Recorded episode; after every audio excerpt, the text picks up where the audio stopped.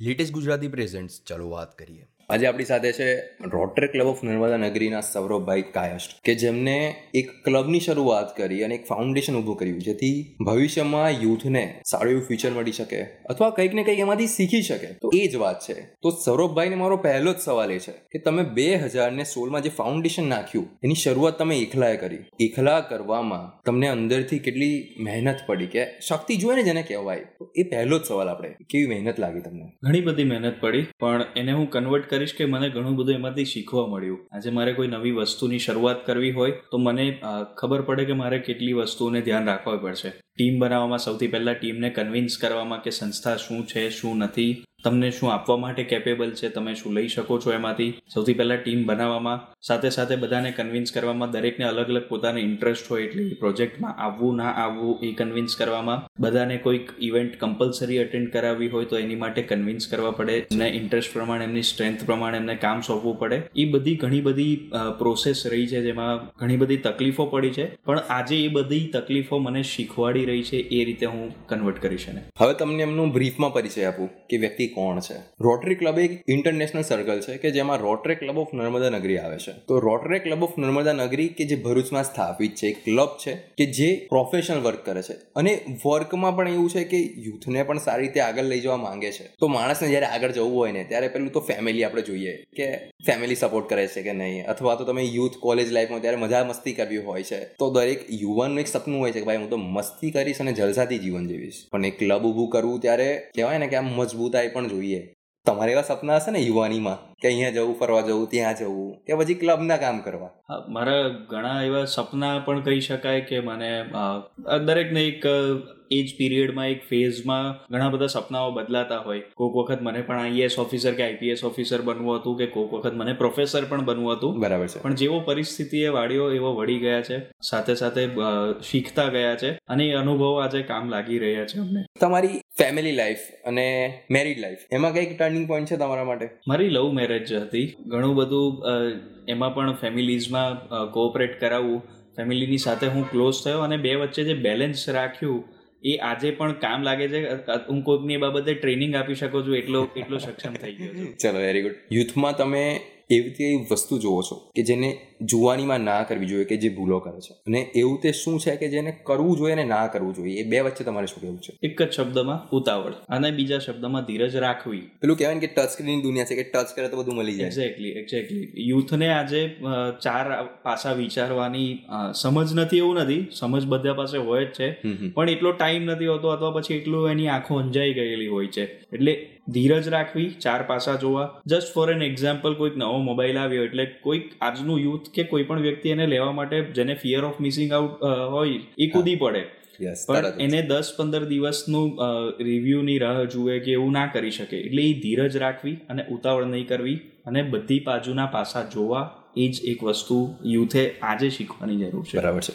બે હજાર ને સોળમાં તમે ક્લબની શરૂઆત કરી. ત્યાર પછી ઘણા બધા પ્રેસિડેન્ટ બન્યા હશે. તો તમે દરેક વ્યક્તિ પાસેથી શું શીખ્યા છો? કોલેબોરેશન બરાબર and execution utilization of re- the potential of the organization hmm hmm. getting the teamwork identifying the team right team keeping it together મસ્તીની વાત કરીએ તો દરેક જગ્યાએ એવો માહોલ હોવો જોઈએ કે ગ્રુપના મેમ્બર્સ મજાક મસ્તીમાં થોડા એવા વ્યસ્ત હોય કે કંઈક સિરિયસ ના થઈએ દરેક વખતે.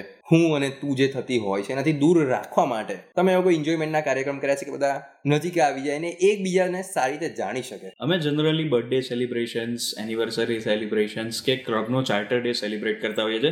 અને અમે એવું રાખ્યું છે ઘણી બધી સંસ્થાઓ જેમ તમે જોયું હશે કે જેમાં મિત્રો છે તો સંસ્થા છે. બરાબર. અમે સંસ્થામાં જોડાઈએ કે કોઈ પણ મેમ્બરને નવા મેમ્બરને અટેચ કરીએ ત્યારે એની સાથે પહેલા મિત્ર બનીએ છીએ અને પછી એને સંસ્થા તરીકે જોડીએ છીએ તો બે મિત્ર એકબીજાને કંઈ પણ કહી શકે. એક બે સભ્યો કદાચ ના કહી શકે પણ બે મિત્રો એકબીજાને બે શબ્દ બોલી પણ શકે એટલે પહેલા મિત્રતા જાળવીએ છીએ પછી બીજી બધી આગળ વાત કરીશું. તમે કોલેજમાં હતા ત્યારે તમને સેકન્ડ યરમાં મારા ખ્યાલથી તમે હતા. ને તમને એવું કહેવામાં આવ્યું કે મારે આ જગ્યાએ જોડવાની તમને ઓફર મળી હતી. તે શું સિચ્યુએશન હતી? હું જનરલી કોલેજના ટેન્યુરમાં એનએસએસમાં એટલે નેશનલ સર્વિસ સ્કીમમાં બહુ એક્ટિવ હતો. સેકન્ડ યરથી અને મને ફર્સ્ટ યરથી જ્યારે હું જોઉં એટલે મને લીડરશિપ લેવા માટે એક ઉત્સુકતા હતી કે થર્ડ યરમાં જઈશ તો મને લીડરશિપ મળશે. સેકન્ડ યરનો ઓલમોસ્ટ એન્ડ હતો અને જે રીતે મેં કીધું કે દરેક રોટરીએ અમુક ક્લબ્સને સ્પોન્સર કરવાના હોય છે. So Rotary Club of Bharuch Narmada Nagari was looking for establishing Rotaract અને ત્યારે through one of the Rotarian members who was also professor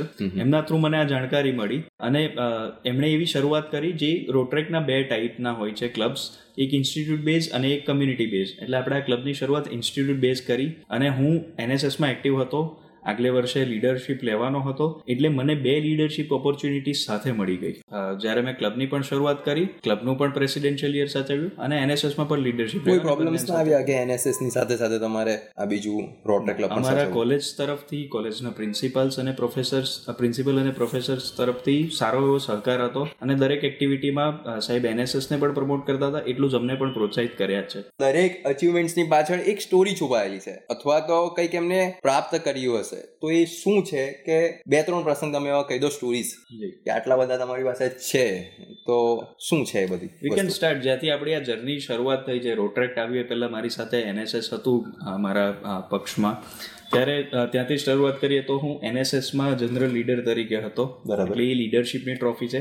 એની બાજુમાં તમે જે જોઈ રહ્યા છો એ બેસ્ટ સ્ટુડન્ટની ટ્રોફી છે. ઓહો. રાઈટ કોલેજના જે અમુક સ્ટુડન્ટ્સને મળતી હોય છે. પછી બધી શરૂઆત થઈ. અમારા મારા ક્લબનું ચાર્ટર સર્ટિફિકેટ છે.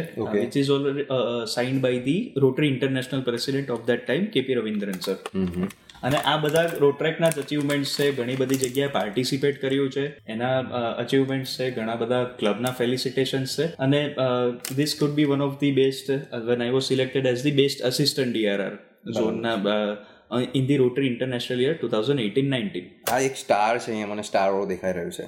તો તમે પણ તમારી લાઈફમાં એક હવે સ્ટાર બની ગયા છો. પણ લોકો સુધી તમે સામે નથી આવ્યા. આજે તમે એક છુપા રુસ્તમ કહી શકાય ને કે એક એવો ચહેરો છે કે જે ખૂણામાં સંધાઈ રહ્યો છે કે જે લોકોની સામે નથી આવતો પણ લોકોને આજે ઊભા કરે છે. તો એ છુપાયેલા સ્ટારમાં કેમ આવું છે કે તમે લોકોને આગળ લાવો છો કે હું અને તું જ્યારે દરેક જગ્યાએ થતી હોય છે ત્યારે આપણે નામનો શબ્દ જે તમે લાવ્યા છો કે આપણે છીએ તો એમાં તમારું કેમ આવું છે? Sir I am a man of a CSR મેં મારા કરિયરમાં પીજી ડિપ્લોમા ઇન સીએસઆર કર્યું છે એઝ અ ક્વોલિફિકેશન અને એ પણ આ જ બધાનો પાર્ટ રહ્યો છે કે મને સર્વિસમાં ઇન્ટરેસ્ટ હતો. એટલે તમે સીએસઆરની ની ફિલોસોફીમાં જોશો ને તો ઘણી બધી કંપની ઘણા સારા કામ કરતી હોય પણ એને પ્રેઝન્ટ ના કરે.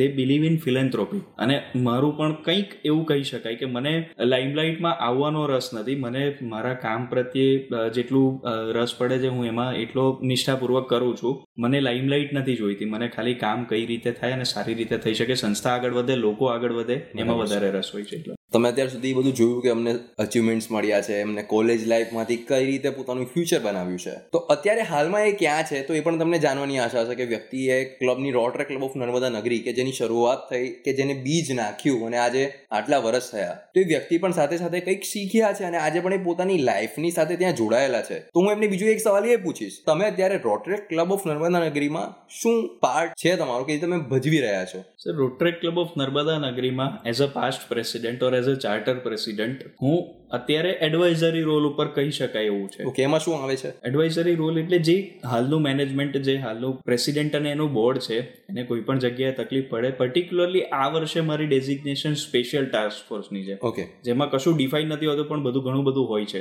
કે કંઈ પણ ટાસ્ક એવો આવ્યો જે કોઈ નથી કરી શકવાનું તો એ સ્પેશિયલ ટાસ્ક ફોર્સ પાસે આવશે. એટલે રોટરી ક્લબ ઓફ નર્મદા નગરીમાં આ એડવાઇઝરી રોલ કાયમ દરેક પાસ્ટ પ્રેસિડેન્ટ માટે રહેવાનો છે. અને હું એમાંનો એક છું.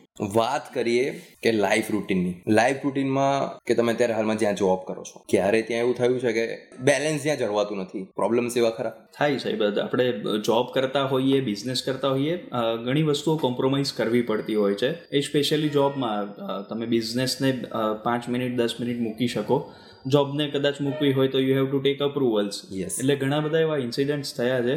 બટ મેં એટલી કોશિશ કરી છે કે હું બધી વસ્તુ સાચવી શકું. એડવાન્સ લીવ લેવાની હોય કે એડવાન્સ અપ્રુવલ લેવાના હોય કે સંસ્થા કોમ્પ્રોમાઇઝ કરે એઝ સેડ કે બંને વસ્તુને બેલેન્સ આપણે કરવાનું છે. એકબીજા માટે કોમ્પ્રોમાઇઝ થઈ જાય એ દરેક સંસ્થાની કે જોબની જવાબદારી એમાં આવે છે. તો તમારે યુદ્ધ માટે કંઈક કહેવું હોય કે કહેવાય ને કે ઉત્સાહ અને ઉમંગ ભરાઈ જાય આમ જૂનું આવી જાય તો અમુક વાતો તમારે કંઈક કરવી હોય તો તમે જણાવો. જરૂર, યુથને મોટિવેશન મળે, એમની પ્રોસેસ એમની જે કંઈક કામ હોય એમાં માટે. મારી થોડીક અમુક સલાહો છે મારી પાસે.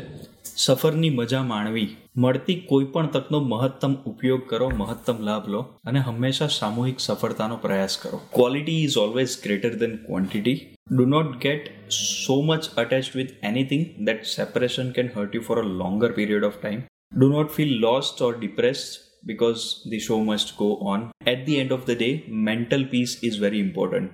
So leave the toxic ones, toxic relationships apart silently and move on. That's all from my side. તો ચાલો વાત કરીએ ના એક નવા એપિસોડમાં ફરીથી મળીશું એક વિશેષ વ્યક્તિને ત્યાં સુધી સાંભળતા રહો ચાલો વાત કરીએ only on Amazon Music Gaana Jio Saavn Google and Apple podcast